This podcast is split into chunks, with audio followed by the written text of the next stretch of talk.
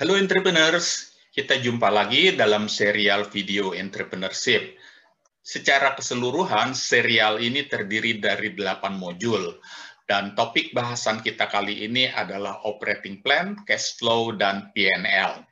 Operating plan merupakan produk turunan dari strategic plan. Di dalam strategic plan dibahas tujuan atau goal jangka panjang. Sedangkan di dalam operating plan didefinisikan objektif spesifik jangka pendek lengkap dengan aktivitas spesifik dan cara pengukurannya untuk tiap bisnis area. Operating plan berisi rencana implementasi untuk tiap strategi yang ada atau tertuang di dalam strategic plan biasanya berisi apa yang ingin Anda capai, bagaimana melaksanakannya, siapa yang akan melaksanakan, dan siapa penanggung jawabnya, serta sumber daya dukungan apa yang Anda perlukan agar Anda dapat melaksanakan strategi tersebut. Dan strategi itu dibuat untuk tiap area spesifik di perusahaan Anda. Langkah pertama yang dapat Anda lakukan dalam mengembangkan oper, sebuah operating plan adalah mendefinisikan goal besar yang ingin Anda capai dalam satu tahun. Kemudian goal besar tersebut Anda bagi menjadi objektif-objektif yang lebih spesifik dan terukur sehingga akan lebih mudah untuk Anda laksanakan dan Anda akan tahu persis kapan objektif tersebut tercapai. Masing-masing objektif tersebut harus memenuhi kriteria SMART. SMART merupakan singkatan dari spesifik, artinya tidak punya arti ganda, measurable artinya ukurannya jelas, attainable artinya dapat dicapai, relevan artinya relevan dengan bisnis Anda, dan time bound artinya ada waktu yang pasti kapan objektif tersebut seharusnya tercapai. Langkah kedua, Anda lakukan analisa situasi saat ini, yaitu analisa situasi yang berkorelasi langsung dengan masing-masing objektif yang ingin Anda capai. Beberapa pengukuran yang penting antara lain, apa yang sudah Anda capai saat ini, bagaimana mencapainya, dan berapa besar gap antara situasi saat ini dengan objektif yang ingin Anda capai. Setelah itu Anda ketahui, Anda pikirkan bagaimana Anda ingin mencapai objektif tersebut. Apa yang akan Anda lakukan, siapa pelakunya, siapa penanggung jawabnya, apa faktor pendukung yang memungkinkan Anda berhasil mencapai objektif yang ingin yang Anda inginkan, apa potensi hambatan atau kendala yang mungkin Anda hadapi, bagaimana Anda mengantisipasi kendala tersebut dan mitigasi apa yang Anda siapkan. Semua itu disebut strategi. Dan akhirnya, sumber daya pendukung apa yang Anda perlukan agar Anda dapat menjalankan strategi tersebut. Sumber daya dapat berupa sumber daya manusia, peralatan, biaya, dan lain-lain yang kesemuanya perlu anggaran karena itu perlu Anda buat rencana anggarannya.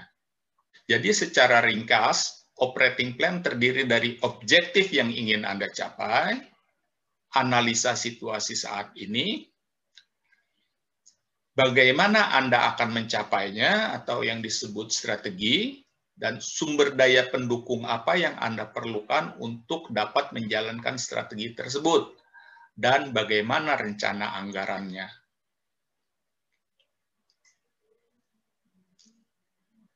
Profit and loss analysis yang saya sajikan dalam video ini sudah saya sederhanakan sedemikian rupa agar lebih mudah Anda pahami, namun tidak kehilangan esensinya. PNL terdiri dari revenue atau hasil penjualan atau dalam bahasa sehari-hari sering juga disebut omset COGS atau Cost of Goods Sold, bahasa Indonesianya harga pokok penjualan, terdiri dari harga beli atau biaya produksi dari produk atau jasa yang akan Anda jual, ditambah semua biaya-biaya yang terkait langsung dengan produk atau jasa yang akan Anda jual. revenue dikurangi COGS akan Anda dapat gross profit atau laba kotor. Semua biaya tetap yang tidak terkait langsung dengan produk atau jasa yang akan Anda jual, seperti contohnya biaya sewa kantor, biaya listrik, biaya gaji karyawan, dan lain-lain yang ada penjualan atau tidak ada penjualan tetap Anda harus keluarkan, itu disebut biaya tetap atau overhead cost gross profit dikurangi dengan overhead cost, akan Anda dapat earning before income tax atau yang disingkat menjadi EBIT atau bahasa Indonesianya laba bersih sebelum pajak. Untuk meningkatkan EBIT, yang dapat Anda lakukan adalah meningkatkan revenue dan atau mengurangi COGS kalau salah satu atau keduanya ini dapat Anda lakukan, maka gross profit Anda akan meningkat. Dan kalau Anda dapat menekan overhead cost, maka EBIT Anda akan meningkat. Jadi EBIT Anda akan meningkat apabila salah satu atau ketiga dari variabel ini dapat Anda mainkan. Ini contohnya dalam bentuk angka. Untuk membuat cash flow, dan proyeksi budget, Anda bawa format PNL ini ke dalam format seperti ini. Di bagian atas ini, ini PNL yang tadi kita sudah bahas. Terdiri dari revenue, COGS, gross profit. Semua ini Anda uraikan setiap bulan sampai dengan Desember, dari Januari sampai Desember. Kemudian di area bawah ini Anda uraikan semua biaya-biaya tetap yang termasuk dalam overhead cost, gaji, tunjangan, ya, semua biaya apa pun termasuk yang belum belum ada di sini variabelnya Anda tambahkan sendiri. Anda uraikan di sini sampai dengan Desember juga.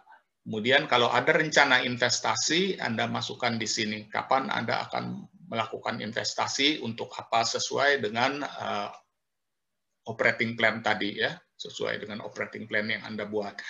Nah, di area yang saya beri warna ini, ini rumus. Jadi Anda tidak perlu isi di sini. Eh, Anda hanya perlu mengisi di bagian yang putih. Ya, jadi nanti kalau Anda perlu, Anda bisa minta pada saya format spreadsheet-nya ini semuanya sudah saya otomatis semua sudah saya otomatisasikan melalui rumus. Jadi di sini posisi kas awal Anda Misalnya untuk bulan Januari Anda punya posisi kas 500 juta, setelah terjadi mutasi, setelah terjadi income dan pengeluaran, maka ini adalah posisi akhir di bulan Januari. Demikian seterusnya sampai dengan bulan Desember. Nah, dalam contoh ini Anda bisa lihat bahwa di bulan April Anda sudah minus. Dan kalau sudah minus, ini artinya perusahaan Anda tidak dapat berlangsung terus.